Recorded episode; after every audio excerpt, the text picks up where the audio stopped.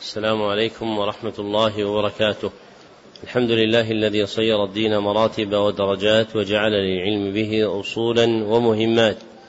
وأشهد أن لا إله إلا الله حقا وأشهد أن محمدا عبده ورسوله صدقا.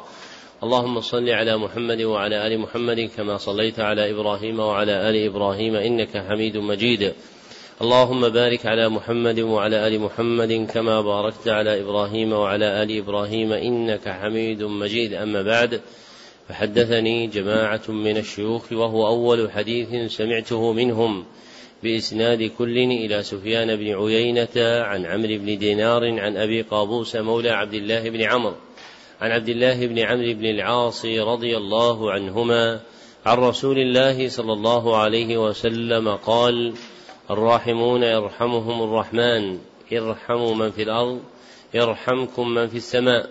ومن آكد الرحمة رحمة المعلمين بالمتعلمين في تلقينهم أحكام الدين وترقيتهم في منازل اليقين. ومن طرائق رحمتهم إيقافهم على مهمات العلم بإقراء أصول المتون وتبيين مقاصدها الكلية ومعانيها الإجمالية ليستفتح بذلك المبتدئون تلقيهم ويجد فيه المتوسطون ما يذكرهم ويطلع منه المنتهون إلى تحقيق مسائل العلم. وهذا المجلس الثاني في شرح الكتاب الحادي عشر من برنامج مهمات العلم في سنته الثالثة ثلاث وثلاثين بعد الأربعمائة والألف وهو كتاب المبتدأ في الفقه على مذهب الإمام أحمد بن حنبل على مذهب الإمام أحمد بن حنبل رحمه الله لمعد البرنامج صالح بن عبد الله بن حمد العصيمي. نعم. الحمد لله رب العالمين وصلى الله وسلم على نبينا محمد وعلى آله وصحبه أجمعين. اللهم اغفر لشيخنا ولوالديه ولمشايخه وللحاضرين ولجميع المسلمين. أما بعد قلت ما أحسن الله إليكم. النوع الرابع المكروهات وفيه زمرة من المسائل. من أنواع الحكم التعبدي الكراهة وهي اصطلاحا الخطاب الشرعي الطلبي المقتضي للكف اقتضاء غير لازم الخطاب الشرعي الطلبي المقتضي للكف اقتضاء غير لازم وسيذكر المصنف فيما يستقبل طائفة من المكروهات المتعلقة بالطهارة والصلاة. نعم. قلت ما أحسن الله إليكم فيكره للمتخلي فيكره للمتخلي دخول خلاء بما فيه ذكر الله تعالى. من المكروه للمتخلي عند الحنابلة دخول خلاء بما فيه ذكر الله تعالى. وفاقا للثلاثة تعظيما لذكر الله. وروي فيه حديث أن النبي صلى الله عليه وسلم كان إذا دخل الخلاء وضع خاتمه رواه الأربعة ولا يصح. وكان نقش الخاتم النبوي فيه ذكر الله فنقشه محمد رسول الله. وذكر ابن مفلح من الحنابلة في الفروع عند هذه المسألة أنه لم يجد للكراهية دليلا سوى هذا وهي تفتقر إلى دليل كما ذكر والأصل عدمه. نعم. قلت ما أحسن الله إليكم وكلام فيه بلا حاجة. من المكروه للمتخلي عند الحنابلة كلام في الخلاء بلا حاجة والمراد بالكلام الكلام بسوى ذكر الله عز وجل لأنه إذا كان الدخول بشيء فيه ذكر الله عندهم مكروها فالكلام بشيء فيه ذكر الله في الخلاء أشد كراهة وإنما يريدون الكلام بشيء ليس فيه ذكر الله سبحانه وتعالى فهو عندهم مكروه. وفي صحيح مسلم من حديث ابن عمر رضي الله عنهما أن رجلا سلم على النبي صلى الله عليه وسلم وهو يبول فلم يرد عليه. وفي سنن أبي داود بإسناد صحيح من حديث المهاجر بن قنفذ رضي الله عنه أنه أتى النبي صلى الله عليه وسلم وهو يبول فسلم عليه فلم يرد عليه حتى توضأ ثم اعتذر إليه وقال إني كرهت أن أذكر الله على غير طهر فالمكروه من الكلام فيه ما كان فيه ذكر الله. وأما ما خلا من ذكر الله عز وجل فلا يقوم دليل خاص على كراهته وإنما يندرج في ملاحظة المروة وجريان العرف باستقباحه. فيترك ادبا مستحسنا وخلقا فاضلا. إلا ما دعت إليه الحاجة فإن الحاجة ترفع الكراهة. فإذا احتاج إلى كلام وهو في الخلاء جاز دون كراهة. دا. نعم. قلتم أحسن الله إليكم ومسه فرجه بيده اليمنى عند قضاء حاجة. من المكروه للمتخلي عند عند الحنابلة مسه فرجه بيده اليمنى عند قضاء الحاجة تكريما لها لأنها مخصوصة بالتكريم شرعا. وفي الصحيحين من حديث أبي قتادة مرفوعا وإذا بال أحدكم فلا يمس فلا يمسح ذكره بيمينه أي حال قضائه الحاجة. والمراد بالمس الإفضاء إليها بالبشرة دون حائل. نعم. قلتم أحسن الله إليكم ويكره السواك لصائم بعد الزوال. من المكروه عند الحنابلة السواك لصائم بعد الزوال. والأحاديث الواردة في فضل السواك كما سلف لم تقيد بزمن. ففي الكراهة نظر من باب الأثر. وزعموا أن السواك بعد الزوال يزيل خلوف فم الصائم الممدوح شرعا. وفيه نظر من جهة النظر لأن الخلوف لا تتصاعد ريحه لكونه أثر الفم وإنما أثر خلو المعدة من الطعام. ففي كراهة السواك بعد الزوال نظر من بابي الأثر والنظر معا والراجح عدم الكراهة وهو مذهب الحنفية والمالكية فالسواك للصائم سنة مطلقا قبل الزوال وبعده. نعم. قلتم أحسن الله إليكم ويكره الإسراف في الوضوء. من من المكروه للمتوضئ عند الحنابلة الإسراف في الوضوء وهو مجاوزة الحد فيه. وروي فيه حديث لا يصح لكن السنة الفعلية والقولية في حاله صلى الله عليه وسلم دالة على قلة الماء المتوضأ به. وقد نقل النووي رحمه الله تعالى في المجموع إجماع العلماء على النهي عن الإسراف في الماء ولو على شاطئ البحر. لكنهم مختلفون في موقع النهي. هل هو للكراهة أو للتحريم؟ وقد روى الترمذي من حديث عبد الله بن مغفل بسند قوي قال سمعت رسول الله صلى الله عليه وسلم يقول سيكون في هذه الأمة قوم يعتدون في الدعاء في الطهور والدعاء أي يتجاوزون الحد المأذون به وبوب عليه الترمذي باب الإسراف في الوضوء. فمتى اشتمل الوضوء على الإسراف؟ ففي القول بالتحريم قوة كمن يزيد على غسلاته الثلاث غسلة رابعة أو خامسة. فالحرمة في إسرافه بالزيادة فيها قوة. نعم. قلتم أحسن الله إليكم. ويكره للمصلي اقتصاره على الفاتحة وتكرارها. من المكروه للمصلي عند الحنابلة اقتصاره على الفاتحة في غير ثالثة مغرب وأخيرتي رباعية وكذلك تكرارها في الركعة نفسها وفاقا في كل للثلاثة. لأنه لم يصح عن النبي صلى الله عليه وسلم الصلاة بها فقط فيما سوى ثالثة مغرب وأخيرتي رباعية. فيكون المشروع الاقتصار عليها في المحل المذكور. وأما ما عدا ذلك فإنه يكره الاقتصار, يكره الاقتصار عليها كما يكره أيضا تكرارها وإقامتها في القراءة الثانية مقام السورة التي تكون بعد الفاتحة. نعم. قلتم أحسن الله إليكم والتفاته بلا حاجة. من المكروه للمصلي عند الحنابلة التفاته بلا حاجة وفاقا للثلاثة. وحكاه ابن حجر إجماعا في فتح الباري.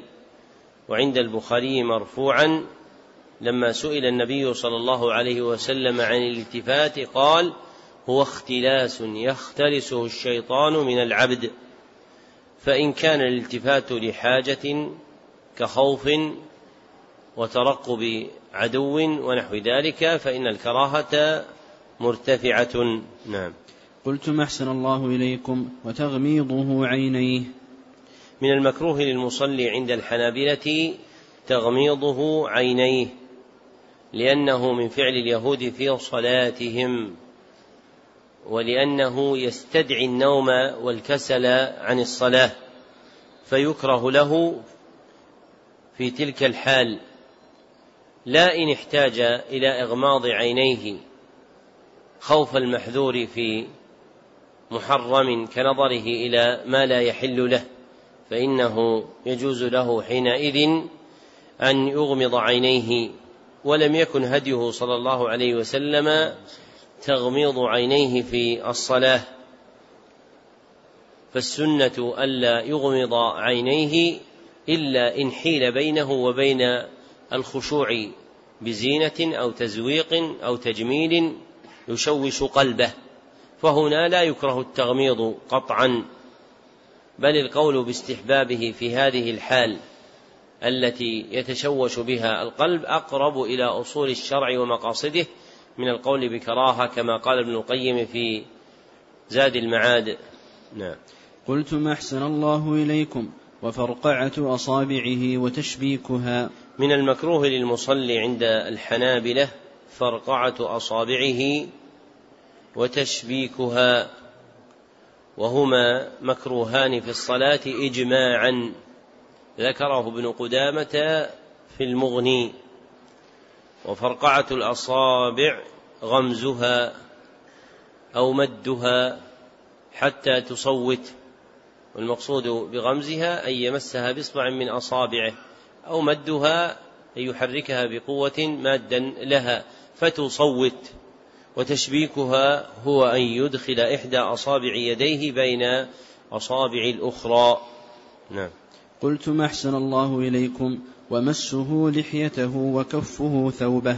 من المكروه للمصلي عند الحنابلة مسه لحيته لأنه عبث ينافي الخشوع المأمور به وفاقا للثلاثة ويكره أيضا عندهم كف المصلي ثوبه للنهي الوارد عنه في الصحيحين في حديث ابن عباس قال ونهيت أن أكف ثوبا أو شعرا.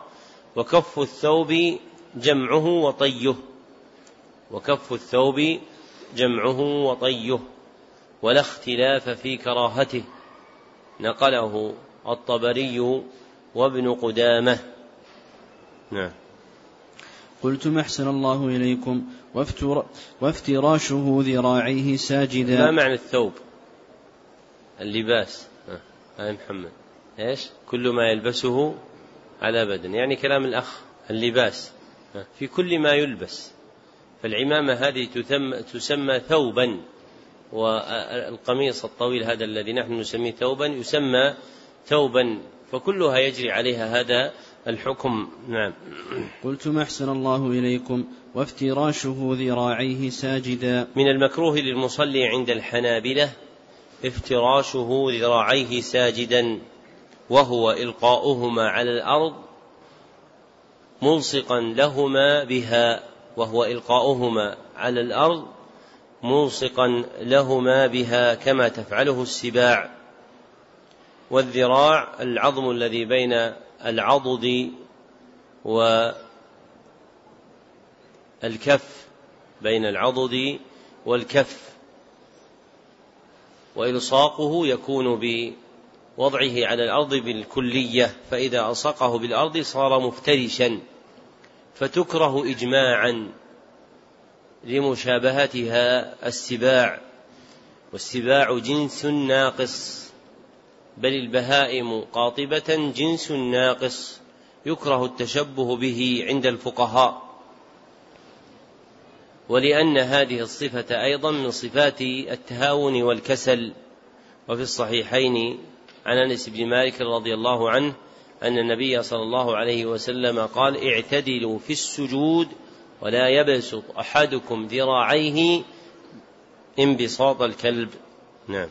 قلت ما أحسن الله إليكم وسدل. من المكروه للمصلي عند الحنابلة سدل وفاقا للثلاثة وهو أن يلقي طرف الرداء من الجانبين. فلا يرد أحدهما على الآخر بل يكون الرداء ملقا عليه إلقاء دون رد أحدهما على الآخر. فإذا طرحه بين كتفيه وأهمل رد أحدهما على الآخر سمي هذا سدلا. وعند أبي داود والترمذي بإسناد حسن أن النبي صلى الله عليه وسلم نهى عن السدل. وأظهر الأقوال أن السدل المراد فيه هو سدل الثوب بالصورة المذكورة بأن يجعله على كتفه ولا يرد إحدى طرفيه على الآخر ومثله لو كان له يدان تدخلان فيه فأخرجهما منه ولم يدخلهما فيه فإن هذا فيه صورة السدل أيضا. كمن يلبس ما يسمى بالمشلح أو الفروة أو غيرها فإن إخراج يديه منها وإرسالهما دون إدخالهما في موضع اليدين من لبسه يسمى سدلا. نعم. قلت ما أحسن الله إليكم وأن يخص جبهته بما يسجد عليه. من المكروه للمصلي عند الحنابلة وفاقا للحنفية والمالكية أن يخص جبهته بما يسجد عليه فيجعل شيئا يتميز به سجوده. وكرهه الفقهاء لأنه من شعار الروافض فمن العلامات التي يتميزون بها تخصيص جباههم بما يسجدون عليه. فيكره ذلك لما فيه من التشبه بأهل الباطل. وإذا راج الباطل وظهر ارتقت الكراهة إلى التحريم إظهارا لمنافرة المبتدعة ووأد البدعة. فإن من مقاصد الشرع التنفير عن المخالفة للشريعة. فإذا شهرت وظهرت لم ينبغي التساهل بذلك تحت دعوى كونه مكروها بل تتأكد حرمته تحصيلا لمقصد أعظم وهو تميز المتبعين عن المبتدعين. نعم. قلت ما أحسن الله إليكم أو يمسح أثر سجوده. من المكروه للمصلي عند الحنابلة أن يمسح أثر سجوده في صلاته دون حاجة. أما مع الحاجة فلا يكره ذلك. ويروى فيه حديث مرفوع لا يصح. وأحسن ما جاء فيه ما رواه ابن أبي شيبة عن ابن مسعود رضي الله عنه أنه قال أربع من الجفاء بالرجل وعد منها أن يمسح جبهته قبل أن ينصرف. أن يمسح جبهته قبل أن ينصرف أي قبل تسليمه من صلاته. ونقل ابن قاسم العاصمي اتفاق السلف على كراهته. وفي دعوى الاتفاق نظر لكن فيما تقدم عن ابن مسعود كراهة ذلك ولا يعلم له مخالف من الصحابة رضي الله عنهم. ومحله في الصلاة أما بعدها فلا يكره اتفاقا. قاله ابن مفلح في كتاب الفروع. فمحل كراهة مسح الجبهة للمصلي حال كونه في الصلاة لا بعدها. نعم. قلت ما أحسن الله إليكم أو يستند بلا حاجة. من المكروه للمصلي عند الحنابلة أن يستند بلا حاجة إلى نحو جدار لأنه يزيل مشقة القيام فيكره اتفاقا ذكره ابن قاسم العاصمي. وترتفع الكراهة إن احتاج إليه لعجزه أو مرضه أو غير ذلك. نعم. قلتم أحسن الله إليكم. النوع الخامس المحرمات وفيه زمرة من المسائل. من أنواع الحكم التعبدي التحريم. وهو اصطلاحا الخطاب الشرعي الطلبي المقتضي للكف يعني للترك اقتضاء لازما. وسيذكر المصنف فيما يستقبل طائفة من المحرمات المتعلقة بالطهارة والصلاة. نعم. قلتم أحسن الله إليكم فيحرم على المتخلي استقبال القبلة واستدبارها عند قضاء الحاجة بفضاء. من المحرم على المتخلي عند الحنابلة وفاقا للمالكية والشافعية استقبال القبلة واستدبارها عند قضاء الحاجة بفضاء. دون بنيان للنهي الوارد في أحاديث عدة وقيد المنع بفضاء لما رواه أبو داود عن مروان الأصفر قال رأيت ابن عمر أناخ راحلته مستقبل القبلة ثم جلس يبول إليها فقلت يا أبا عبد الرحمن أليس نهي عن هذا؟ فقال إنما نهي عن هذا في الفضاء. فإذا كان بينك وبين القبلة شيء يسترك فلا بأس وإسناده حسن. وهذا تفسير لمعنى النهي الوارد عن النبي صلى الله عليه وسلم. وفيه جمع بين الأحاديث المنقولة فيتعين المصير إليه لأن إعمال الكلام أولى من إعمال بعضه وإهمال بعضه. نعم. قلتم أحسن الله إليكم. ولبثه فوق حاجته. من المحرم على المتخلي عند الحنابلة لبثه فوق حاجته لما فيه من كشف العورة بلا حاجة وهو مضر عند الأطباء. فمأخذ التحريم عند الحنابلة شيئان أحدهما ما فيه من كشف العورة بلا حاجة وهو عندهم محرم. والأظهر كونه مكروها فكشف العبد عورته بحيث لا يطلع عليه أحد بلا حاجة مكروه في أصح القولين عند أهل العلم. والآخر أنه مضر عند الأطباء فقيل إنه يدمي الكبد ويورث الباسور فينشأ عنه ضرر يوجب تحريمه. وفي ثبوت الضرر المذكور نظر. وإذا ارتفع الضرر امتنع التعليل بهذه العلة. فالراجح أن لبث المتخلي فوق حاجته مكروه. أن لبث المتخلي فوق حاجته مكروه. نعم.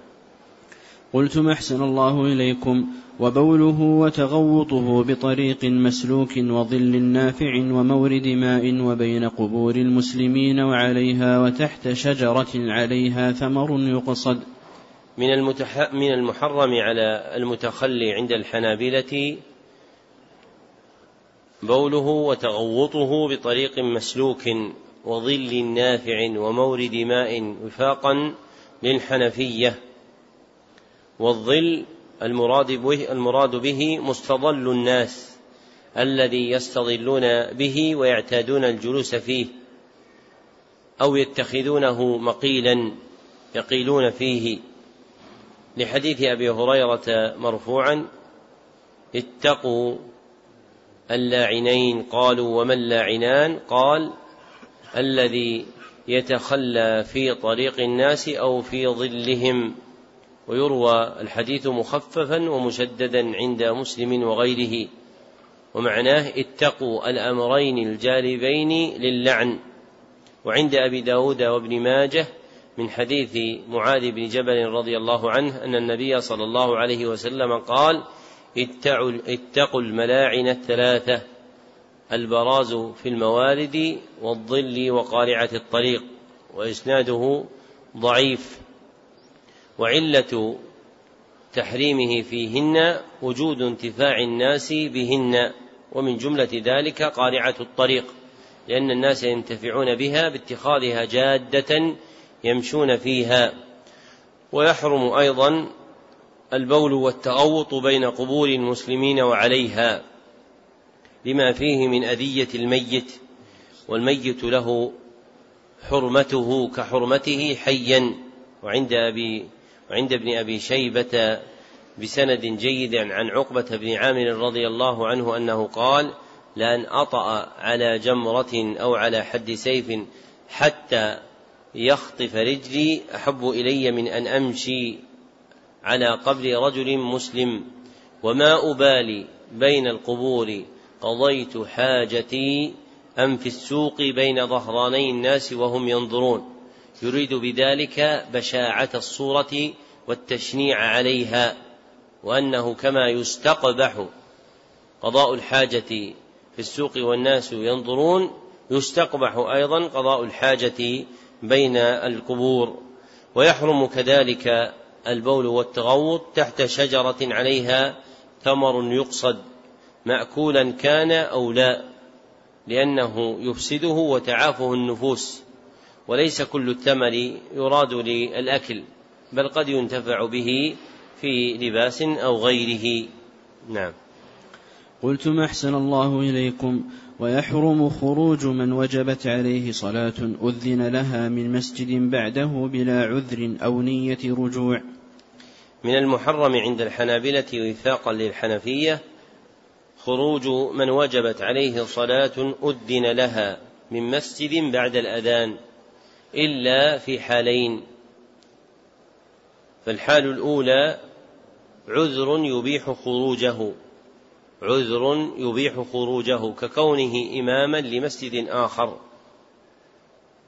والحال الثانية أن ينوي الرجوع بعد خروجه. وذلك لما رواه مسلم عن أبي الشعثاء قال كنا قعودا في المسجد مع أبي هريرة فأذن المؤذن. فقام رجل من المسجد يمشي فأتبعه أبو هريرة بصره حتى خرج من المسجد فقال أبو هريرة أما هذا فقد عصى أبا القاسم صلى الله عليه وسلم. عصاه بماذا؟ بخروجه بعد الأذان. واحد من العوام قال لي قال وش اللي در أبو هريرة أنه مو براجع؟ يقول وش اللي در أبو هريرة أنه مو براجع. والجواب طيب ما في مسجد هو لن يذهب إلى مسجد آخر سيرجع. يقول العامي هذا يمكن الرجال يرجع. أحسن لما علم من الحال التي تحفه كأن يكون قد أخذ حاجته أو اشتد في مشيه أو نحو ذلك من القرائن التي استدل بها أبو هريرة أن الرجل خرج لا يريد أن يرجع. نعم. قلتم أحسن الله إليكم. الخاتمة في جملة من الشروط والفروض والأركان أحيانا العوام يجي منهم ترى. أحيانا طلاب العلم يمشي عليهم.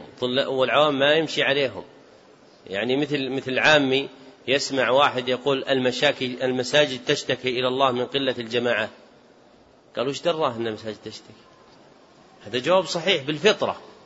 ما الذي أنطق هذه المساجد وأخبر هذا الرجل الذي يعظ بذلك أن المساجد يعني تقول ذلك وتشتكي؟ ولذلك لما سئل الشيخ بن باز عن هذا قال على البديهة الذي يظن طلاب العلم أن الأمر واضح. قال هذا لا أصل له وما أدراه أن المساجد تشتكي إلى الله. يعني هذا خبر عن غيب ما أدرى عن هذا الغيب.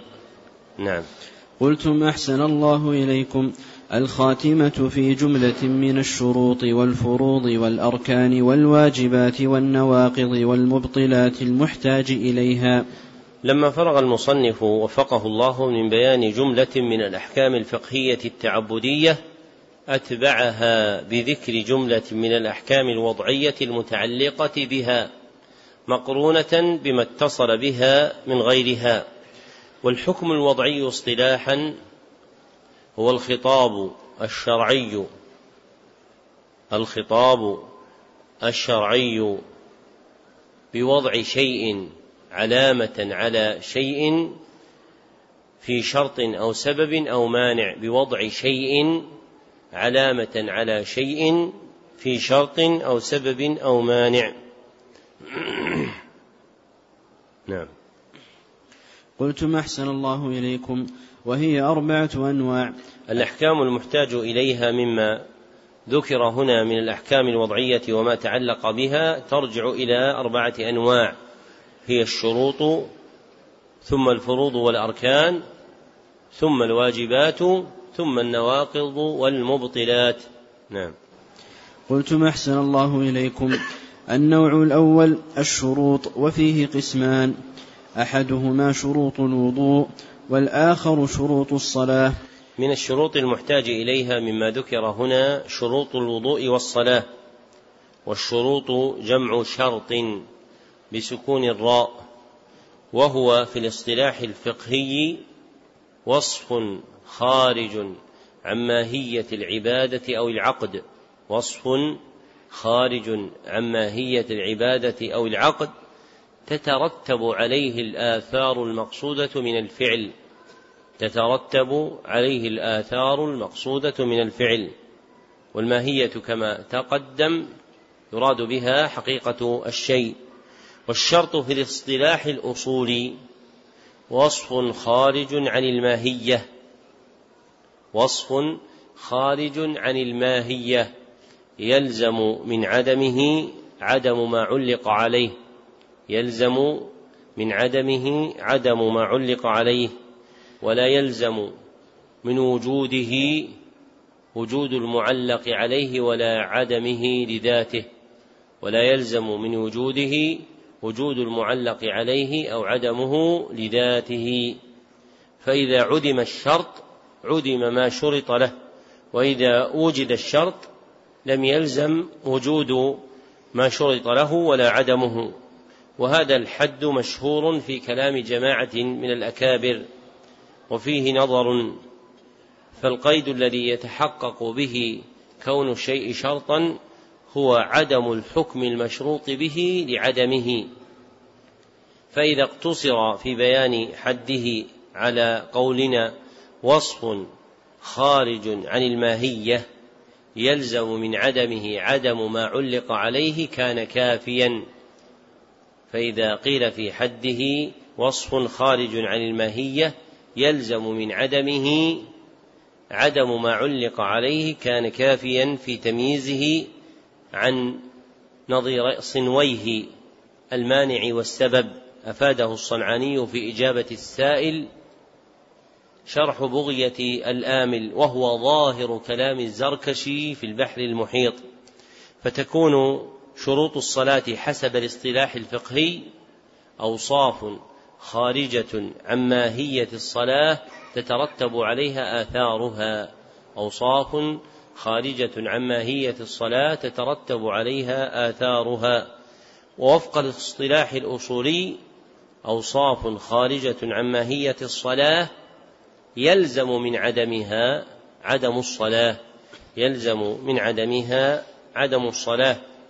وللفقهاء تصرف في الحقائق الأصولية غير تصرف الأصوليين فربما وافقوهم في المعنى المدلول عليه بلفظ ما وخالفوهم في بعض أفراده كالشرط مثلا فإنه في اصطلاحهم على غير اصطلاح الأصوليين وإن كان بين الاصطلاحين اشتراك في قدر منه. وسيأتي معنى للواجب استعمله الفقهاء ولم يذكره الأصوليون. نعم. قلتم أحسن الله إليكم فشروط الوضوء ثمانية. الأول انقطاع ما يوجبه. والثاني النية. والثالث الإسلام. والرابع العقل. والخامس التمييز. والسادس الماء الطهور المباح. والسابع إزالة ما يمنع وصوله إلى البشرة والثامن والثامن استنجاء أو استجمار قبله وشرط أيضا دخول وقت على من حدثه دائم لفرضه. ذكر المصنف وفقه الله شروط الوضوء وأنها ثمانية وكتب الحنابلة تختلف في عددها دون تفاصيل المعدود وكتب الحنابلة لا تختلف في عددها وإنما تختلف في تفاصيل المعدود فمنهم من يدرج استصحاب النية في أصل اشتراطها وهذا أولى ومنهم من يجعل طهورية الماء وإباحته شرطين منفصلين وهكذا. فالأول من الشروط انقطاع ما يوجبه وموجب الوضوء هو نواقضه وفي الإقناع عوضا عن هذه العبارة وانقطاع ناقض وانقطاع ناقض وهي أوضح إلا أن المشهور عند الحنابلة التعبير الأول وانقطاع الناقض أن يفرغ منه سواء كان خارجا أو غيره فلا يصح الشروع في الوضوء حتى ينقطع موجبه لمنافاته الوضوء. والثاني النية وهي شرعا إرادة القلب العمل تقربا إلى الله. إرادة القلب العمل تقربا إلى الله فيكون غسله أعضاءه بنية فعل الوضوء تقربا إلى الله. قاصدا رفع الحدث أو ما تجب له الطهارة أو تستحب. فلو غسلها تبردا أو لطرد النعاس فقط لم يرتفع حدثه. والثالث الإسلام والرابع العقل والخامس التمييز. وهو في الاصطلاح الفقهي وصف قائم بالبدن يتمكن به الإنسان من معرفة منافعه ومضاره. وصف قائم بالبدن يتمكن به الإنسان من معرفة منافعه ومضاره. ويعرف التمييز بإحدى علامتين. إحداهما علامة قدرية قطعية. علامة قدرية قطعية. ترجع إلى وجود وصفه المذكور آنفا. ترجع إلى وجود وصفه المذكور آنفا. فعند ابن أبي شيبة في مصنفه بسند صحيح عن ابن عمر رضي الله عنهما أنه قال يؤمر الصبي أنه قال يعلم الصبي الصلاة إذا عرف يمينه من شماله. يعلم الصبي الصلاة إذا عرف يمينه من شماله. أي إذا عرف ما ينفعه وما يضره. ذكره الدميري والرملي الصغير في تفسير الجملة المذكورة المشهورة عند الفقهاء وحقيقتها فهم الخطاب ورد الجواب فهم الخطاب ورد الجواب.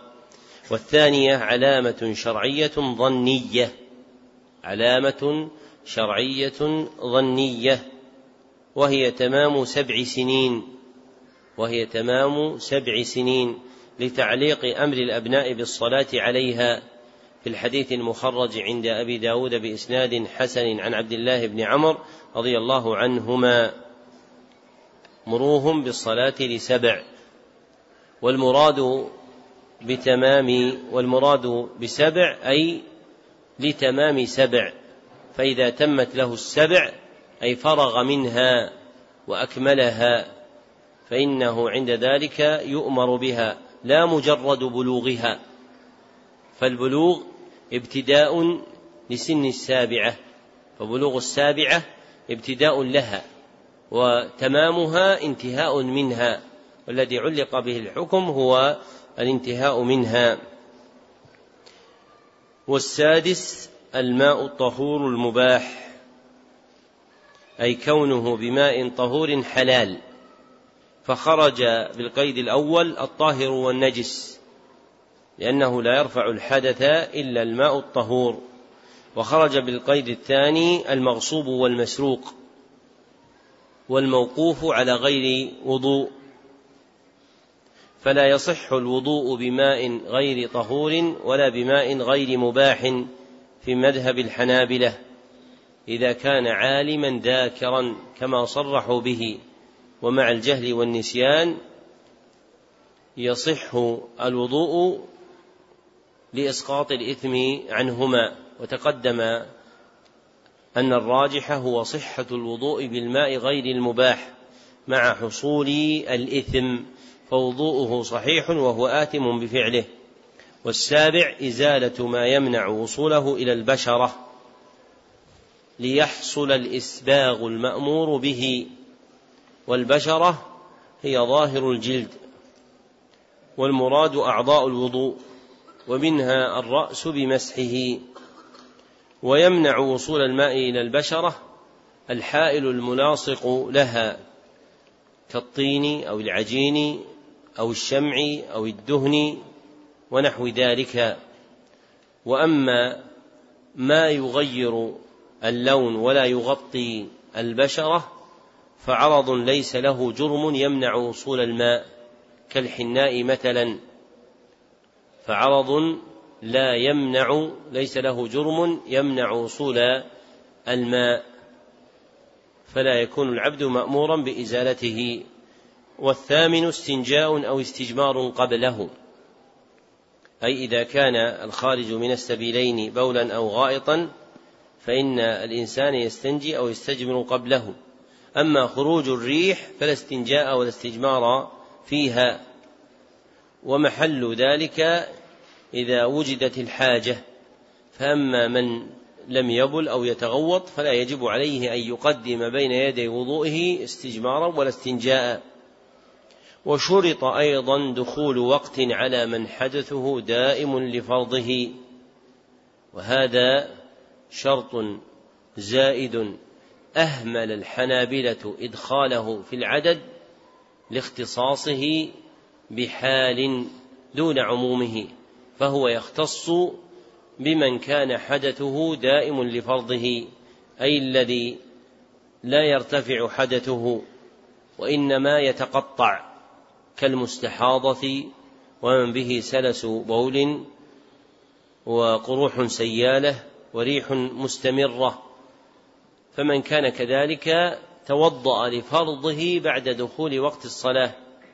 ويرتفع حدثه حكما لا حقيقة.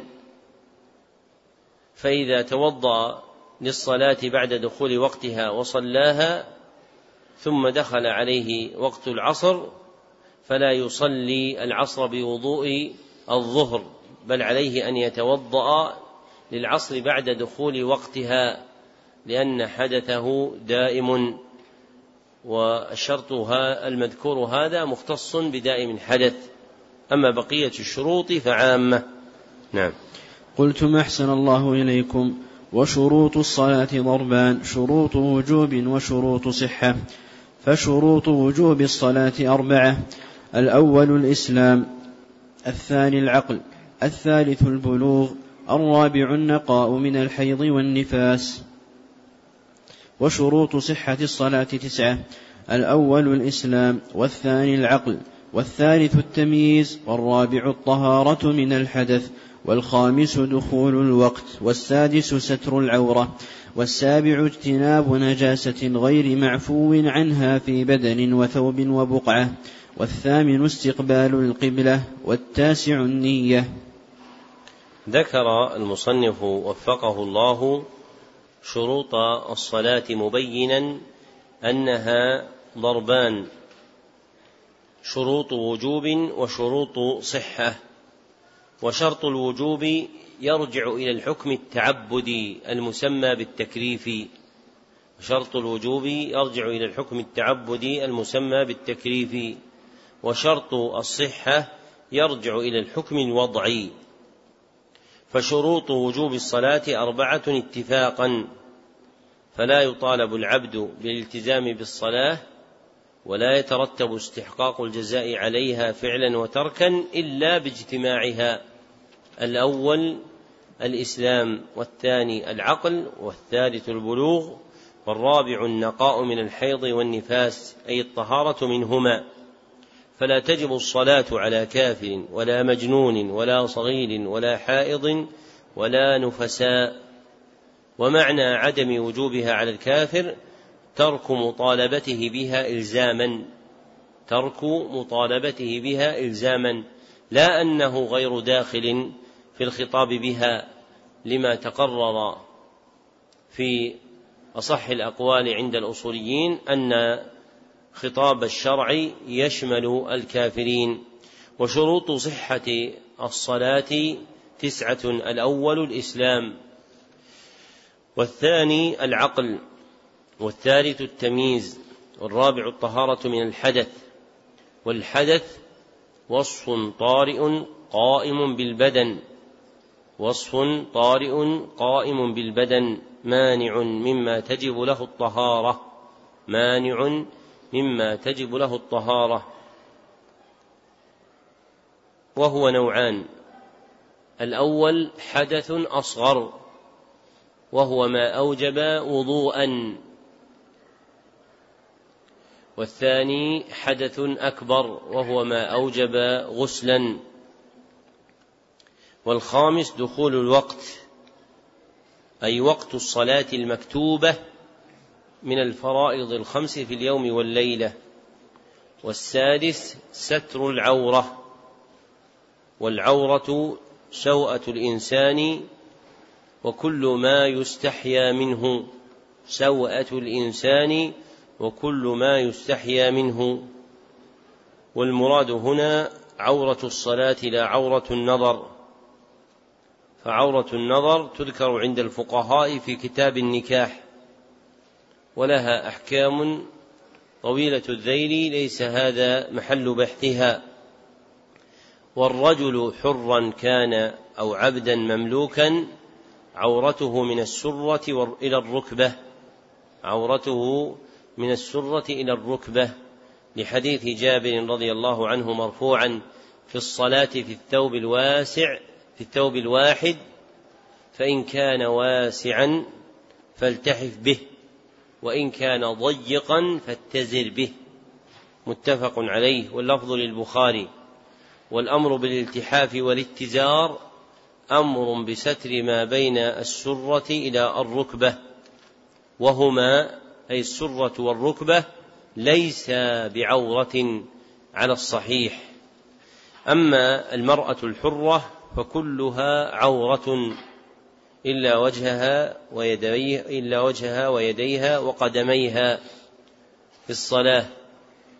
ما لم تكن بحضرة رجال أجانب فيجب عليها ستر جميع بدنها. إلا وجهها وإلا كفيها وقدميها في أصح القولين. فإذا كانت المرأة تصلي لا بحضرة الرجال الأجانب فإنها تكشف وجهها إجماعا. وكذلك ليس كفاها وقدماها في أصح القولين بعورة بل لها أن تكشفهما.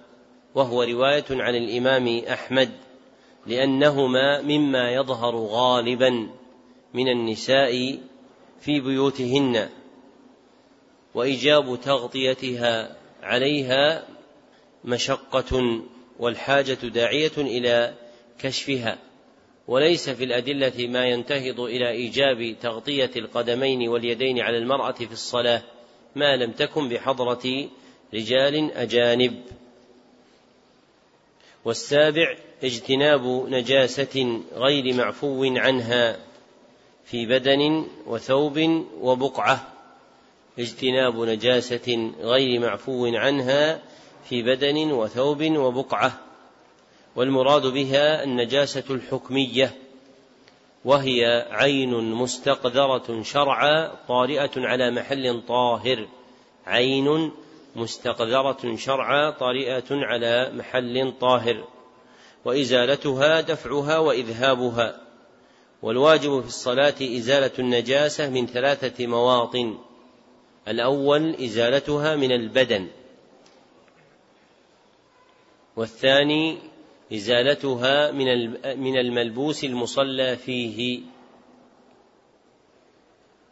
والثالث إزالتها من البقعة المصلى عليها. والشرط الثامن استقبال القبلة وهي الكعبة. ففرض من يرى الكعبة استقبال عينها اتفاقا. حكاه ابن قدامة. فإذا كان يرى الكعبة استقبل عين البناء. وفرض من لا يراها ممن كان بعيدا عنها استقبال جهتها. لما صح عن عمر رضي الله عنه أنه قال إذا جعلت المغرب عن يمينك والمشرق عن يسارك فما بينهما قبلة رواه البيهقي وغيره بسند صحيح. ومراده أهل المدينة ولا مخالف له من الصحابة. وروي في معناه حديث مرفوع ضعفه الإمام أحمد والدار قطني. والشرط التاسع النية. ونية الصلاة تتضمن أمورا ثلاثة. الأول نية فعل الصلاة تقربا إلى الله. نية فعل الصلاة تقربا إلى الله. والثاني نية تعيينها. نية تعيينها. بأن ينوي الصلاة بعينها. بأن ينوي الصلاة بعينها من فرض كظهر أو عصر أو نفل مؤقت كراتبة فجر ووتر لتتميز عن غيرها. فمن صلى عند الحنابلة فرض الوقت لم تصح صلاته بل لا بد أن يستحضر حال إرادته الدخول في الصلاة تعيين الصلاة نفسها فلا تكفي نيته العامة في أداء الفرض بل لا بد من نية أخرى أخص وهي تعيين الفرض. فإذا دخل المسجد للعصر لم يجزه عندهم أن ينوي أداء فرضه المعلق بالوقت وإنما لا بد أن ينوي فرضه المعلق بالوقت مع تعيينه أنه صلاة العصر مثلا. والصحيح عدم وجوب تعيين فرض الصلاة بعينها وأنه إذا نوى فرض الوقت أجزأه لمشقة ذلك. فباب النية يلاحظ فيه التيسير والتخفيف لأن التشديد فيه يفضي إلى الوسوسة وكثرة الأوهام. والثالث نية الإمام والائتمام نية الإمام نية الإمامة والائتمام وهي مختصة بالصلاة في جماعة. فينوي الإمام أنه مقتدى به وينوي المأموم أنه مقتد بإمامه. والراجح عدم اشتراطها لأن النبي صلى الله عليه وسلم أحرم وحده. فجاء جابر وجبار رضي الله عنهما فصلى بهما. رواه مسلم في حديث طويل. والظاهر أنها كانت صلاة مفروضة لأنهم كانوا مسافرين وكان مسيرهم عشية فصلاتهم هي صلاة المغرب لأن العشية ليست محلا للنافلة وإنما ترقب بعدها فريضة منتظرة وهي صلاة المغرب. ووقع في البخاري أن صلاتهم بالليل وهو خطأ من بعض رواته وهذا من المواضع القليلة التي صار فيها لفظ مسلم أتقن من لفظ البخاري. والحاصل أن الراجح في نية الصلاة أن النية المطلوبة للصلاة تتضمن أمرين. أن النية المطلوبة للصلاة تتضمن أمرين. أحدهما نية فعل الصلاة تقربا إلى الله. نية فعل الصلاة تقربا إلى الله. والثاني نية فرض الوقت ولو لم يعينه نية فرض الوقت ولو لم يعينه نعم. أحسن الله إليكم. النوع الثاني الفروض والأركان وفيه قسمان. أحدهما فروض الوضوء والآخر أركان الصلاة. من الفروض والأركان المحتاج إليها مما ذكر هنا فروض الصلاة وفروض الوضوء وأركان الصلاة. والفرض والركن بمعنى واحد والمشهور إطلاق الركن لتحقيق المعنى المراد ففروض الوضوء هي أركانه التي يتركب منها فيصح أن يقال فيهما معا أركانا. فللوضوء أركان وللصلاة أركان والأركان جمع ركن وهو في الاصطلاح الفقهي ما تركبت منه ماهية العبادة أو العقد. ما تركبت منه ماهية العبادة أو العقد. ولا يسقط مع القدرة عليه ولا يجبر بغيره. من يعيد التعريف هذا؟ من يعيده؟ ما كتبتوه؟ ها دحيم طيب تجيني بعد الدرس إن شاء الله تعالى. ها يا عمر هذا الحد للركن والذي يجد منكم حدا للركن عند الأصوليين أو الفقهاء يفيدني به.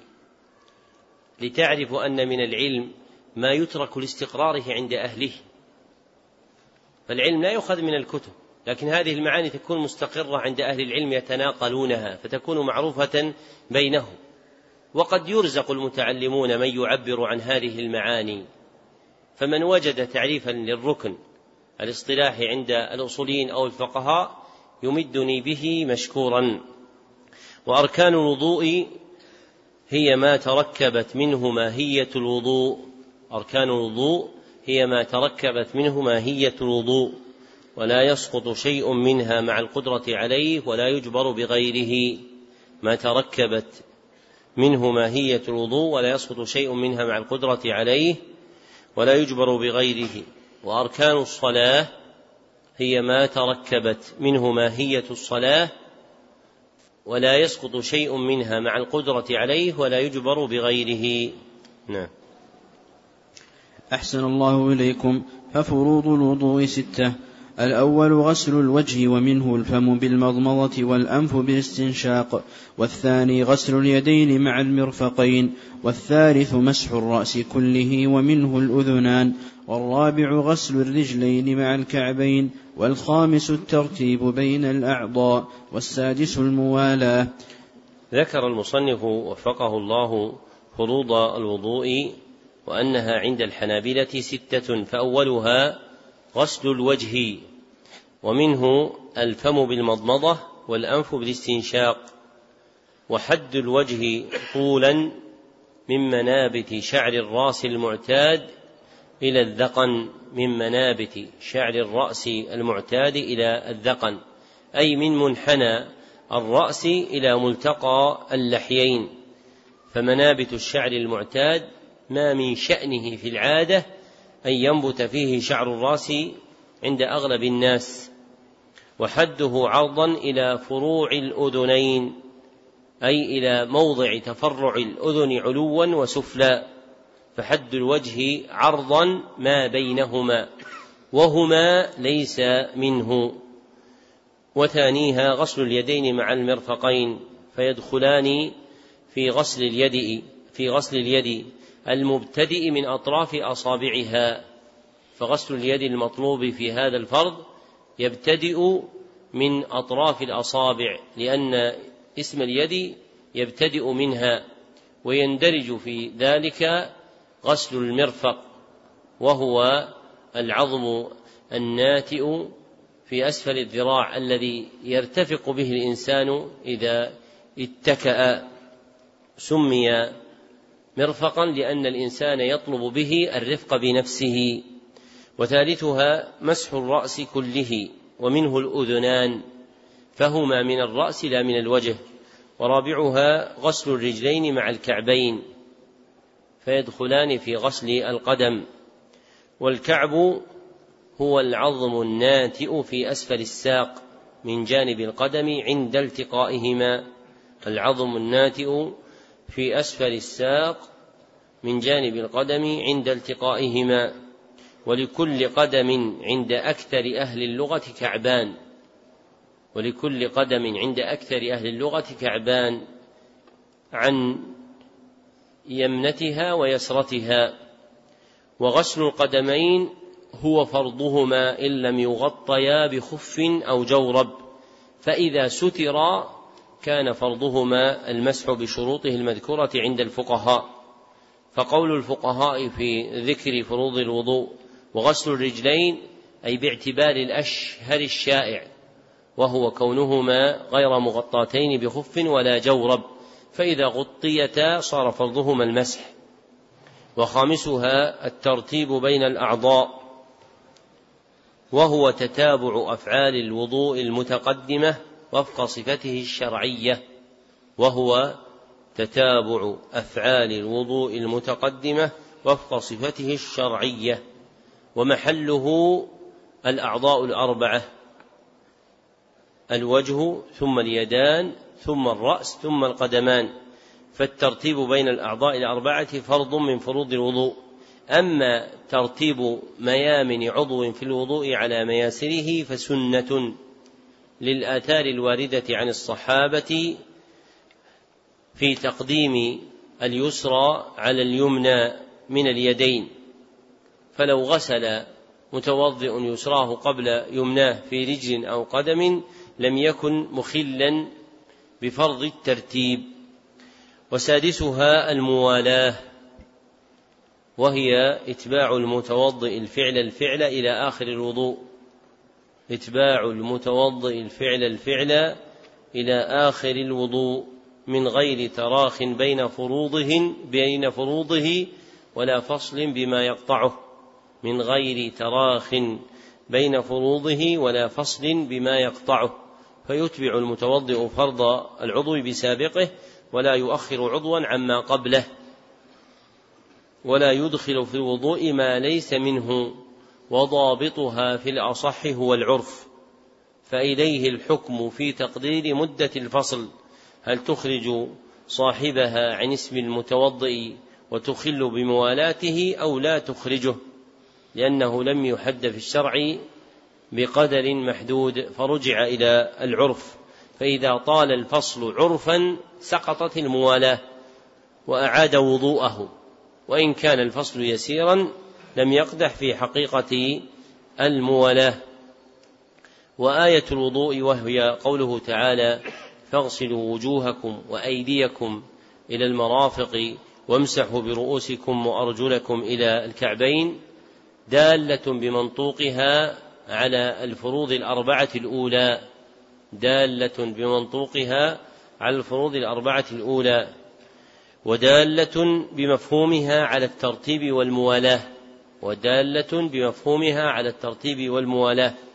فأما دلالتها على الترتيب فانتظام سياق الآية بإدخال ممسوح بين مغسولات. والعرب في كلامها لا تصير الشيء مدخلا بين غير نظائره وتفرق بين النظائر إلا لمعنى مراد. وإدخال المسح بين وإدخال الممسوح بين المغسولات هو لمعنى يراد وهو الترتيب. صرح بهذا ابن المنجى.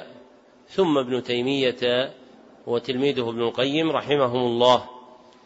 ودلالتها على الوضوء هي في مجيء الآية أمرا والأمر مقتض للفورية في أصح القولين ولا تتحقق الفورية إلا بالموالاة لأن الفورية المرادة عند الأصوليين هي المبادرة إلى الفعل في أول وقت الإمكان هي المبادرة إلى الفعل في أول وقت الإمكان. وامتثالها يتضمن الإتيان بالموالاة والإخلال بها يتضمن الإخلال بالموالاة. نعم. قلتم أحسن الله إليكم وأركان الصلاة أربعة عشر. الأول قيام في فرض مع القدرة والثاني تكبيرة الإحرام والثالث قراءة الفاتحة والرابع الركوع والخامس الرفع منه والسادس الاعتدال عنه. والسابع السجود والثامن الرفع منه والتاسع الجلوس بين السجدتين والعاشر الطمأنينة والحادي عشر التشهد الأخير والركن منه اللهم صل على محمد بعد ما يجزئ من التشهد الأول والمجزئ منه التحيات لله سلام عليك أيها النبي ورحمة الله سلام علينا وعلى عباد الله الصالحين. أشهد أن لا إله إلا الله وأن محمدا رسول الله. والثاني عشر الجلوس له وللتسليمتين. والثالث عشر التسليمتان. والرابع عشر الترتيب بين الأركان. ذكر المصنف وفقه الله أن أركان الصلاة عند الحنابلة أربعة عشر. فالأول قيام في فرض مع القدرة دون النفل والقيام هو الوقوف.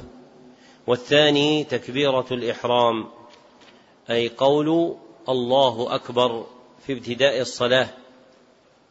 فتتميز هذه التكبيرة عن سائر تكبيرات الصلاة أنها الأولى وإنما سميت تكبيرة الإحرام لأن المرء إذا أتى بها حرمت عليه ما كان يفعله خارجها.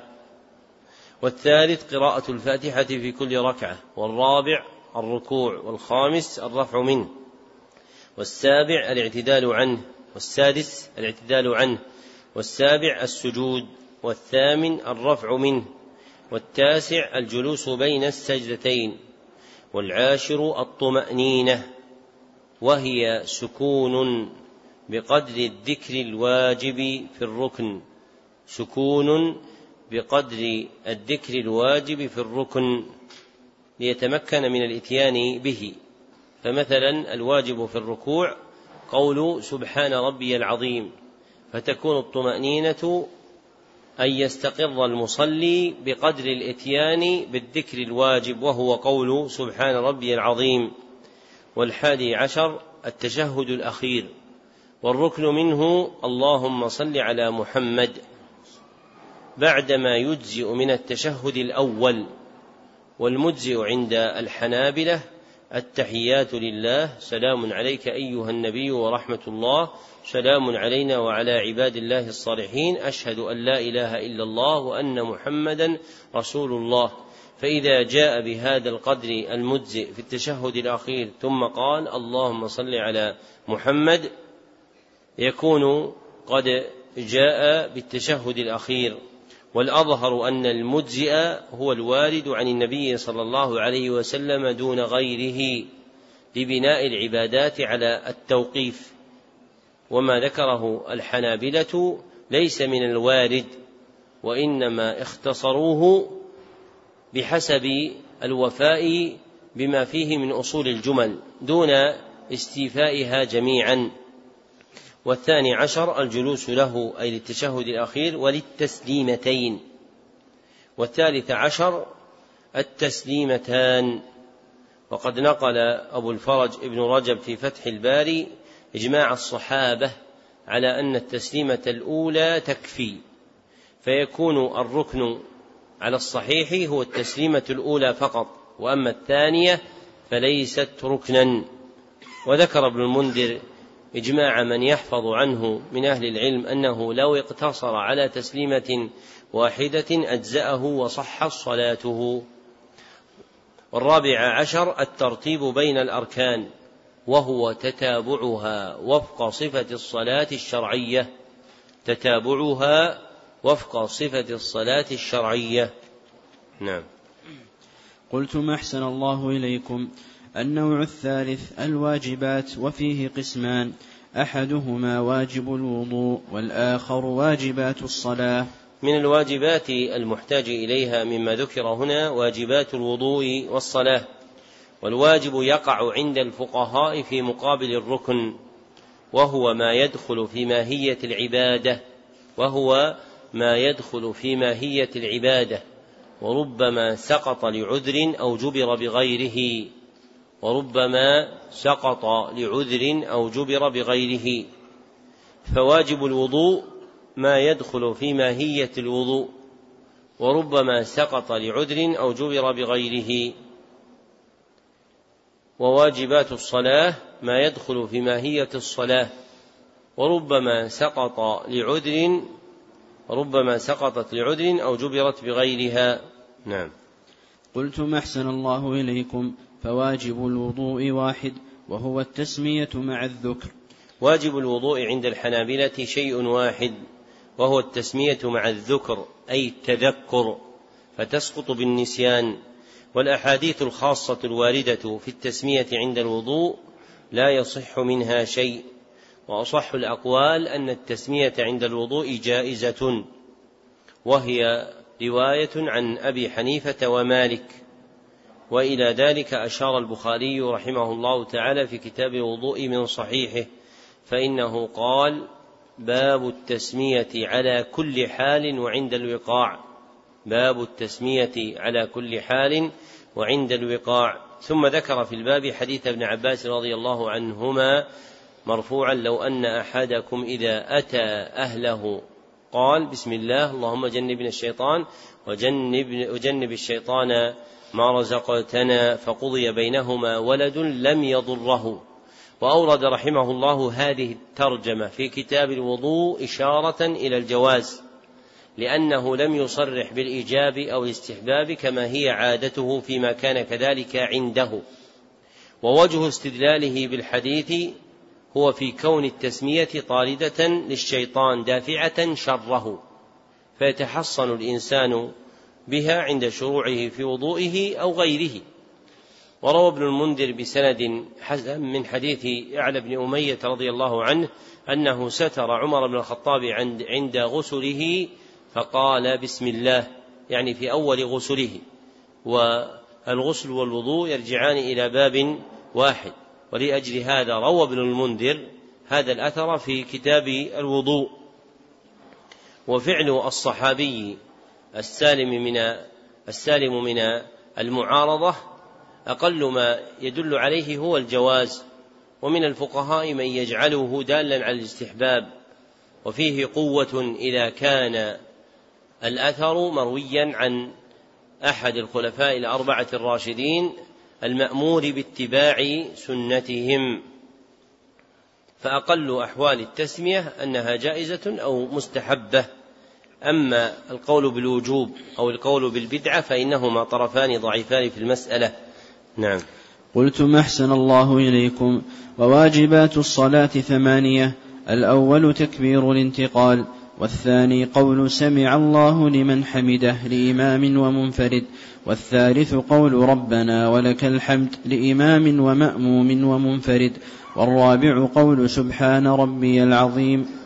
والرابع قول سبحان ربي العظيم في الركوع والخامس قول سبحان ربي الأعلى في السجود والسادس قول رب اغفر لي بين السجدتين والسابع التشهد الأول والثامن الجلوس له. ذكر المصنف وفقه الله في هذه الجملة واجبات الصلاة وعدها ثمانية كما هو مذهب الحنابلة فأولها تكبير الانتقال أي بين الأركان وهو جميع التكبيرات غير تكبيرة الإحرام. وينبغي أن يكون ابتداء التكبير من ابتداء الانتقال وانتهاؤه مع انتهائه فإن كمله في جزء من انتقاله أجزأه. أما تأخيره حتى يفرغ من الانتقال ففيه إيقاع للذكر في غير محله فلا يجوز. فإذا أهو الإنسان راكعا أو ساجدا ابتدأ بتكبيرة الانتقال عند ابتداء هويه وينقطع عن التكبير قبل الوصول إلى الركوع أو السجود. وإن انقطع تكبيره قبل بلوغه ذلك في أثناء المحل جاز ذلك.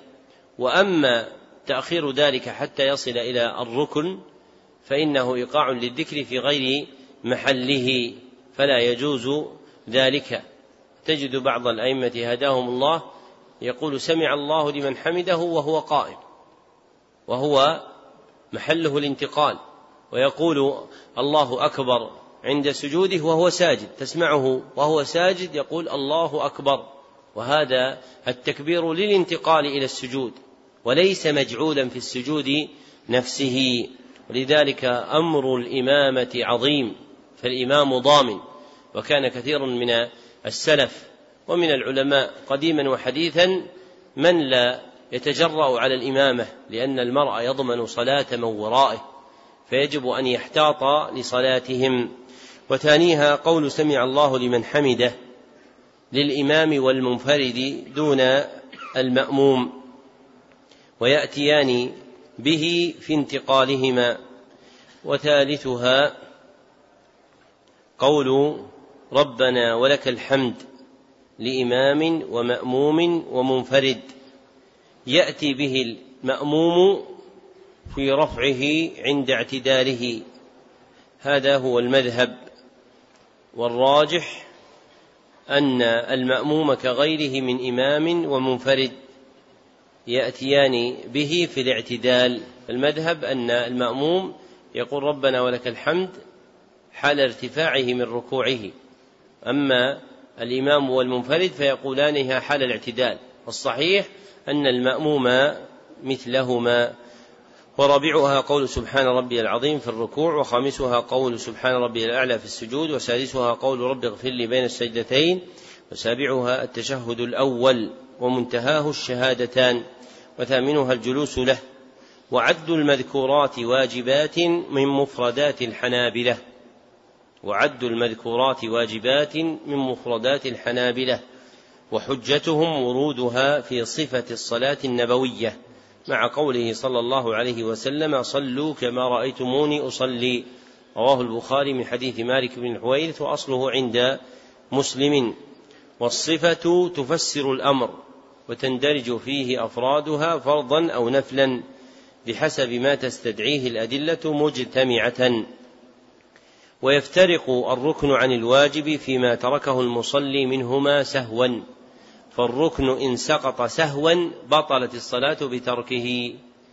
أما الواجب فإنه إذا سقط سهوا جبر بسجوده وإما وأما إن وقع عمدا في ترك الواجب فهو مبطل للصلاة كالعمد في ترك الركن. نعم. قلتم أحسن الله إليكم النوع الرابع النواقض والمبطلات وفيه قسمان أحدهما نواقض الوضوء والآخر مبطلات الصلاة. من النواقض والمبطلات المحتاج إليها ما ذكر هنا من نواقض الوضوء ومبطلات الصلاة والناقض والمبطل بمعنى واحد. والمشهور إطلاق المبطل لتحقيق المعنى المراد لأن البطلان من آثار الحكم الوضعي فعبر به. والنواقض جمع ناقضة أو ناقض والمبطلات جمع مبطل وهما اصطلاحا ما يطرأ على العبادة أو العقد فتتخلف معه الآثار المقصودة من الفعل. ما يطرأ على العبادة أو العقد فتتخلف معه الآثار المقصودة من الفعل. فمثلا الخارج من السبيلين من نواقض الوضوء فإذا خرج منهما شيء بطلت الطهارة ولم يكن للعبد أن يفعل ما تستباح به كالصلاة. واستعمال الناقض عند الحنابلة محله الوضوء. واستعمال المبطل محله الصلاة لأن الطهارة المتعلقة بالأول معنى قائم بالبدن فناسبه النقض والصلاة المتعلقة بالمعنى الثاني حسية فناسبها الإبطال. ونواقض الوضوء حسب الاصطلاح الفقهي هي ما يطرأ على الوضوء فتتخلف معه الآثار المقصودة منه. ما يطرأ على الوضوء فتتخلف معه الآثار المقصودة منه.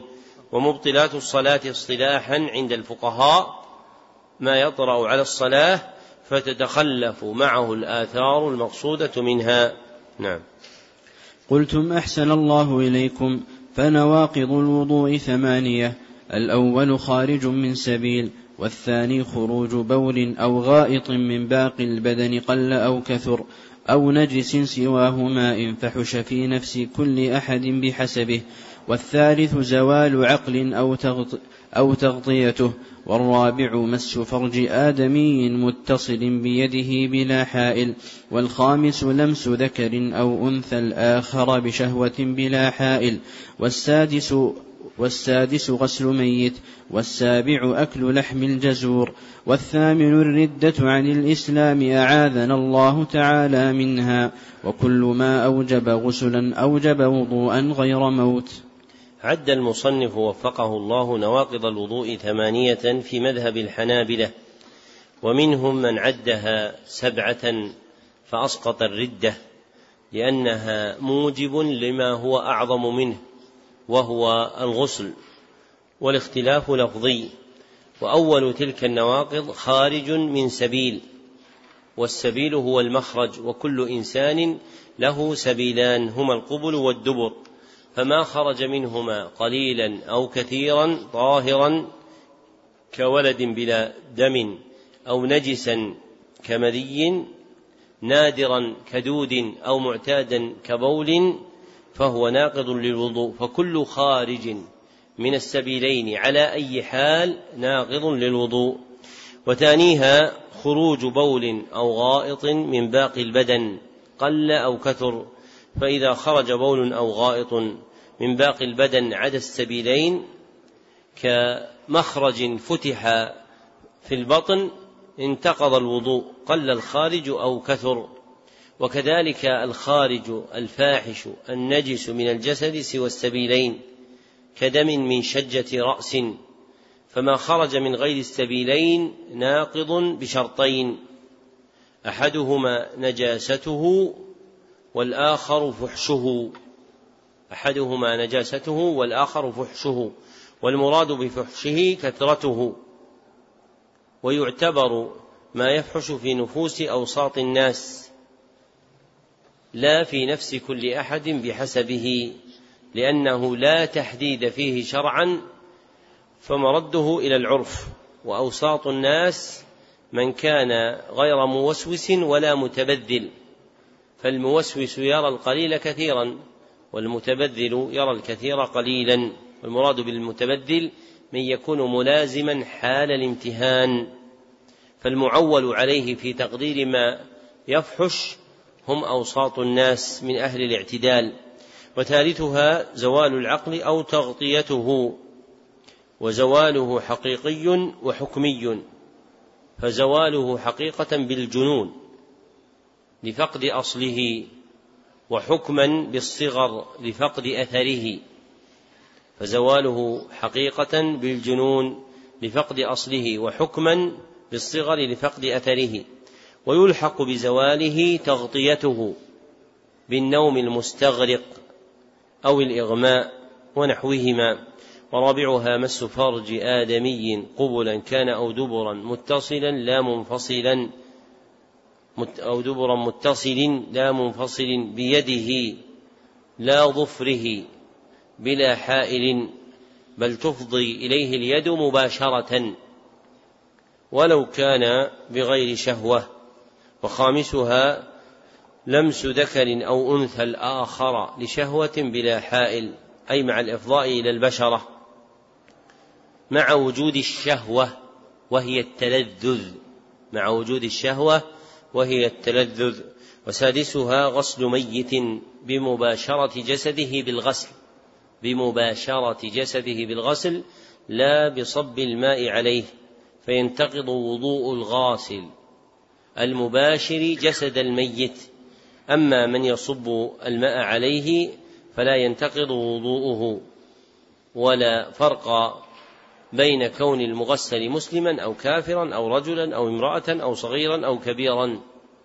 وسابعها أكل لحم الجزور أي الإبل. وثامنها الردة عن الإسلام بالكفر بعد الإيمان. أعاذ الله وإياكم من ذلك وحفظ علينا ديننا. ثم ذكر المصنف ضابطا في الباب فقال وكل ما أوجب غسلا أوجب وضوءا غير موت فموجبات الغسل كخروج مني دفقا بلذة توجب الوضوء أيضا فتكون ناقضة له لأنها أوجبت حدثا أكبر لا يرتفع إلا بالغسل فنقضها للطهارة الصغرى وهي الوضوء أولى واستثني منها الموت.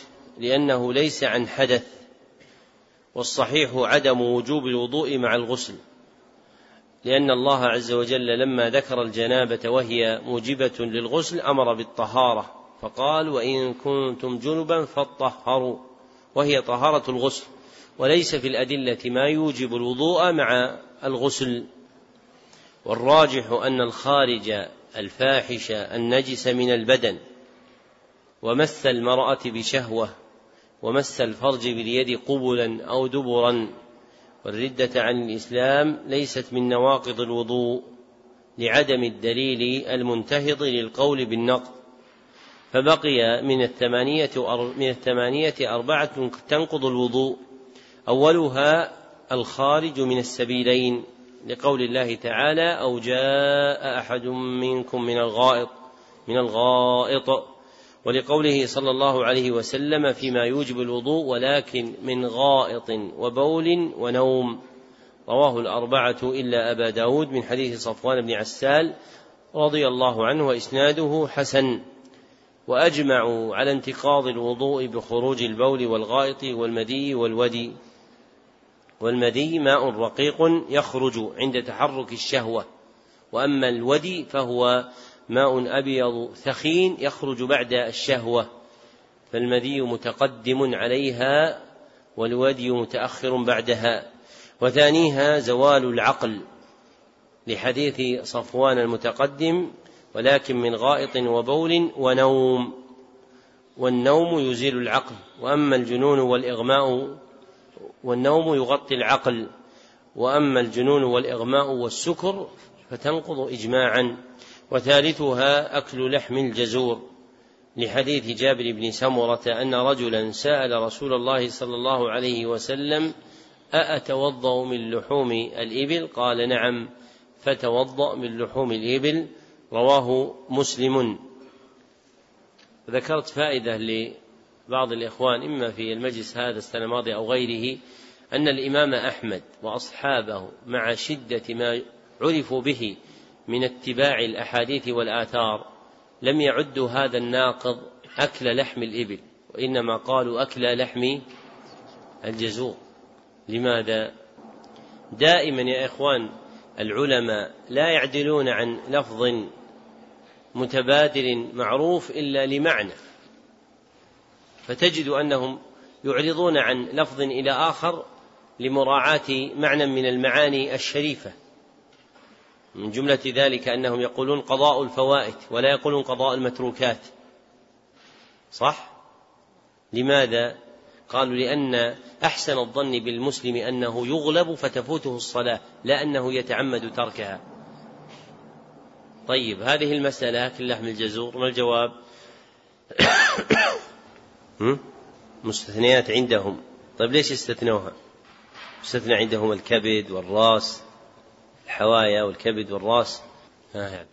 أحسنت. لاختصاص النقض عندهم باللحم الذي يتسلط عليه الجزر وهو القطع. الذي يتسلط عليه الجزر وهو القطع بقوة.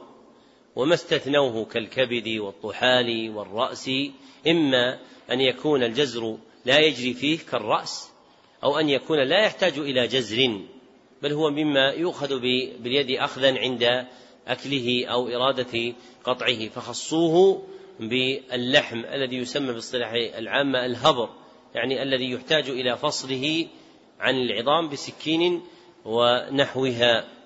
ورابعها تغسيل الميت لصحة الآثار فيه. عن ابن عمر وابن عباس رضي الله عنهما أن فيه الوضوء ولا يعلم لهما مخالف من الصحابة. ولا يعلم لهما مخالف من الصحابة ويبعد أن يبطل الصحابة عبادة دون خبر من النبي صلى الله عليه وسلم. فيشبه أن يكون بتوقيف منه فيشبه أن يكون بتوقيف منه. وكونه من الشرائع الظاهرة أغنى عن نقل خاص فيه. وكونه من الشرائع الظاهرة أغنى عن نقل خاص فيه. يعني هذا أتى عن ابن عباس وابن عمر. ما جاء حديث صحيح عن النبي صلى الله عليه وسلم. لماذا؟ لأنه شرعة ظاهرة. فإن قيل هل يوجد هذا؟ قيل نعم كثير. من ذلك التكبير في أيام العشر. فإن التكبير في أيام عشر صح عن جماعة من الصحابة وليس فيه حديث واحد صحيح عن النبي صلى الله عليه وسلم. ولأجل هذا أشار ابن رجب في فتح الباري إلى أن الفقهاء إذا ذكروا أنه يوجد من الشرائع ما لا يحفظ فيه حديث مرفوع عن النبي صلى الله عليه وسلم مع انعقاد الإجماع عليه كالتكبير في أيام العشر. ونظيره هنا وهو أن تغسيل الميت كثير في المسلمين فهو شريعة ظاهرة تغني عن نقل خاص وحفظ لنا فيها قول ابن عباس وابن عمر رضي الله عنهما ففي ذلك إيجاب الوضوء عند غسل الميت ومحله من باشر غسل جسده. وما جاء عن ابن عباس أنه قال يكفيكم أن تغسلوا أيديكم معناه يكفيكم الوضوء أو هو لفظ غير محفوظ عنه جمعا بين القولين المأثورين عنه. نعم. قلت ما أحسن الله إليكم ومبطلات الصلاة ستة أنواع الأول ما أخل بشرطها كمبطل طهارة واتصال نجاسة به إن لم, إن لم يزلها حالا وبكشف كثير من عورة إن لم يستره في الحال. الثاني ما أخل بركنها كترك ركن مطلقا إلا قياما في نفل وإحالة معنى قراءة في الفاتحة عمدا. الثالث ما أخل بواجبها كترك واجب عمدا. الرابع ما أخل بهيئتها كرجوعه عالما ذاكرا لتشهد أول بعد شروع في قراءة وبسلام مأموم عمدا قبل إمامه أو سهوا ولم أو سهوا ولم يعده بعده. الخامس ما أخل بما يجب فيها كقهقهة وكلام ومنه سلام قبل إتمامها. السادس ما أخل بما يجب لها سلام قبل إتمامها. ومنه سلام قبل إتمامها. ومنه سلام قبل إتمامها. السادس ما أخل بما يجب لها كمرور كلب أسود بهيم بين يديه في ثلاثة أذرع فما دونها. تم بحمد الله ضحوة الأحد الثاني من جماد الأولى سنة إحدى وثلاثين بعد الأربعمائة والألف بمدينة الرياض حفظها الله دارا للإسلام والسنة. ذكر المصنف في هذه الجملة مبطلات الصلاة وعدها ستة أنواع لا أشياء فالمذكورات أصولها الكلية الجامعة لأفرادها لأنها لا تنحصر فالضبط بالكلي أولى من الجزئي ولم يقع عد الأفراد في مشهور كتب الحنابلة ووقع في رسالة أحكام الصلاة لشيخ محمد بن عبد الوهاب عدها ثمانية مقتصرا على ذكر أعظمها دون إرادة حصرها لأن المذكور في كلام الحنابلة يقارب الثلاثين فردها إلى الأنواع أولى من تتبع الأفراد وأول تلك الأنواع ما أخل بشرطها بتركه أو الإتيان به على وجه غير شرعي كمبطل طهارة لانتقاضها به فإذا انتقضت الطهارة وهي شرط للصلاة بطل المشروط له وهي الصلاة. وكاتصال نجاسة غير معفو عنها به لوجوب إزالتها في بدن وثوب وبقعة. وشرط الإبطال بها إن لم يزلها حالا إذا علم بها فإن أزالها حال علمه لم تبطل صلاته.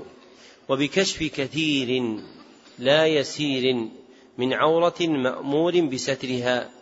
فإن لم يستر من كشف من عورته في الحال بطلت صلاته وإن ستره حالا لم تبطل صلاته. وثانيها ما أخل بركنها أي ركن الصلاة بتركه أو الاتيان به على وجه غير شرعي كترك ركن مطلقا أي سواء كان عمدا أو سهوا أو جهلا لأنه لم يأت بالصلاة كما أمر. وكإحالة معنى قراءة في الفاتحة عمدا كضم تاء أنعمت أو كسرها. وثالثها ما أخل بواجبها بتركه أو الإتيان به على وجه غير شرعي كترك واجب عمدا لا سهوا أو جهلا. فمع السهو والجهل يجبر بسجود السهو إن علم قبل فوات محله وإلا فلا وصلاته صحيحة. والرابع ما أخل بهيئتها أي حقيقتها وصفتها الشرعية. ما أخل بهيئتها أي حقيقتها وصفتها الشرعية. كرجوعه عالما ذاكرا لتشهد أول بعد شروع في قراءة لا قبله كرجوعه عالما ذاكرا بعد لتشهد أول بعد شروعه في قراءة لا قبلها فإذا شرع في القراءة لم يرجع عند الحنابلة لأن القراءة ركن مقصود في نفسه بخلاف القيام. وصح عن سعد بن أبي وقاص عدم الرجوع إلى التشهد بعد اعتداله عند ابن أبي شيبة وكذا عن عبد الله بن الزبير. والراجح أنه إذا اعتدل قائما لم يرجع ولو لم يقرأ. أنه إذا اعتدل قائما لم يرجع ولو لم يقرأ. وهذا هو مذهب الشافعي. وكذلك يخل بها سلام مأموم عمدا قبل سلام إمامه أو سهوا ولم يعده بعده لأن الإمام إنما جعل ليؤتم به ومن الائتمام به متابعته في ذلك. والخامس ما أخل بما يجب فيها وهو ترك منافيها المتعلق بصفتها كقهقهة وكلام والقهقهة ضحك مصحوب بصوت. لماذا سميت قهقهة؟ طيب إذا كانت معناها الضحك المصحوب بصوت. ها مازن ها؟ إذا كان ها ما صار ما صارت قهقهة. ها؟ القاف. خلنا بنألف بينكم وأنتم مازن. القاف والهاء لأن الضاحك يقول قه قه. وفي بعض اللغات تصير كهكه يعني الكاف والهاء. والمذهب أن الكلام يبطل الصلاة ولو جهلا أو نسيانا. وعن الإمام أحمد رواية ثانية أنه لا يبطلها لأنه صلى الله عليه وسلم لم يأمر معاوية بن الحكم رضي الله عنه بإعادة صلاته لما تكلم جهلا. حديثه في صحيح مسلم. وهو الصحيح أنه إذا تكلم جاهلا أو نسيانا لم تبطل صلاته. وكذلك سلام قبل إتمامها لأنه تكلم فيها قبل أن يخرج منها حال كون ذلك عمدا لا سهوا. كما وقع من النبي صلى الله عليه وسلم لما سلم سهوا فبنى على صلاته وسجد لسهوه. أما العامد فإن ذلك يخل بصفة صلاته الواجبة. والسادس ما أخل بما يجب لها وهو ترك منافيها مما لا يتعلق بصفتها وهو ترك منافيها مما لا يتعلق بصفتها. فالفرق بين الخامس والسادس ماذا؟ أن الخامس يتعلق بالصفة والسادس لا يتعلق بها كمرور كلب أسود بهيم بين يديه للحديث الصحيح فيه والبهيم الخالص الذي لا يخالطه لون آخر.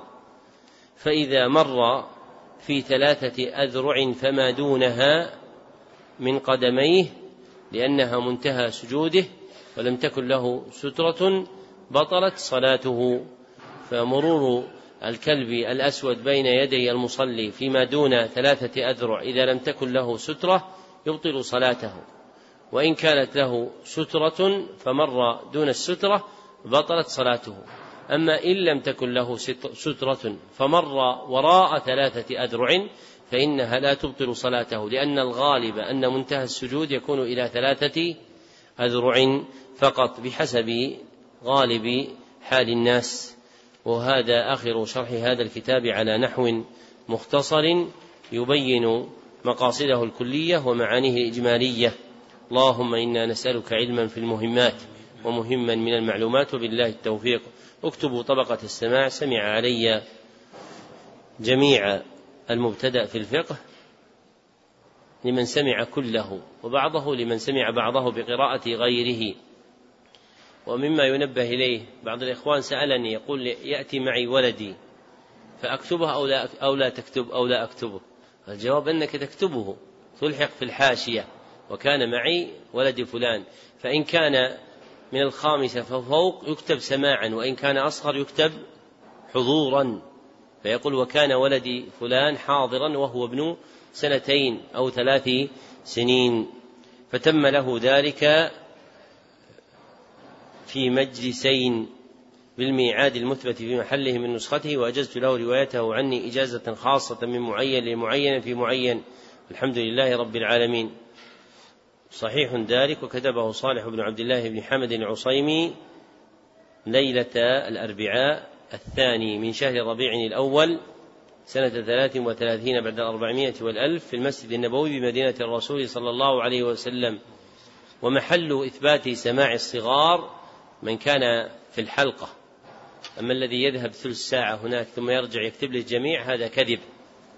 وهذا من التساهل المحرم. وقد رأينا في بعض المجالس من يكتب ذلك لصغار يبقون أكثر من ثلث ساعة خارج المجلس ويكتب لهم سماع تام. ولكن إن كانوا ضيعوا سماع أولادهم فإن الله لا يضيعه. وإن الله يميز بين مكمل السماع الصادق وبين مدعيه قد سألني أحد الإخوان للفائدة يقول لو أن أحدا عمد وكتب هذا ولم يكن حاضرا فالجواب أن ابن المبارك قال لو بات أحد يحدث نفسه أنه يكذب لأصبح والناس يقولون فلان كذاب. غدا إن شاء الله تعالى نبدأ في المقدمة الأجر الرومية والحمد لله رب العالمين وصلى الله وسلم على عبد رسول محمد وآله وصحبه أجمعين.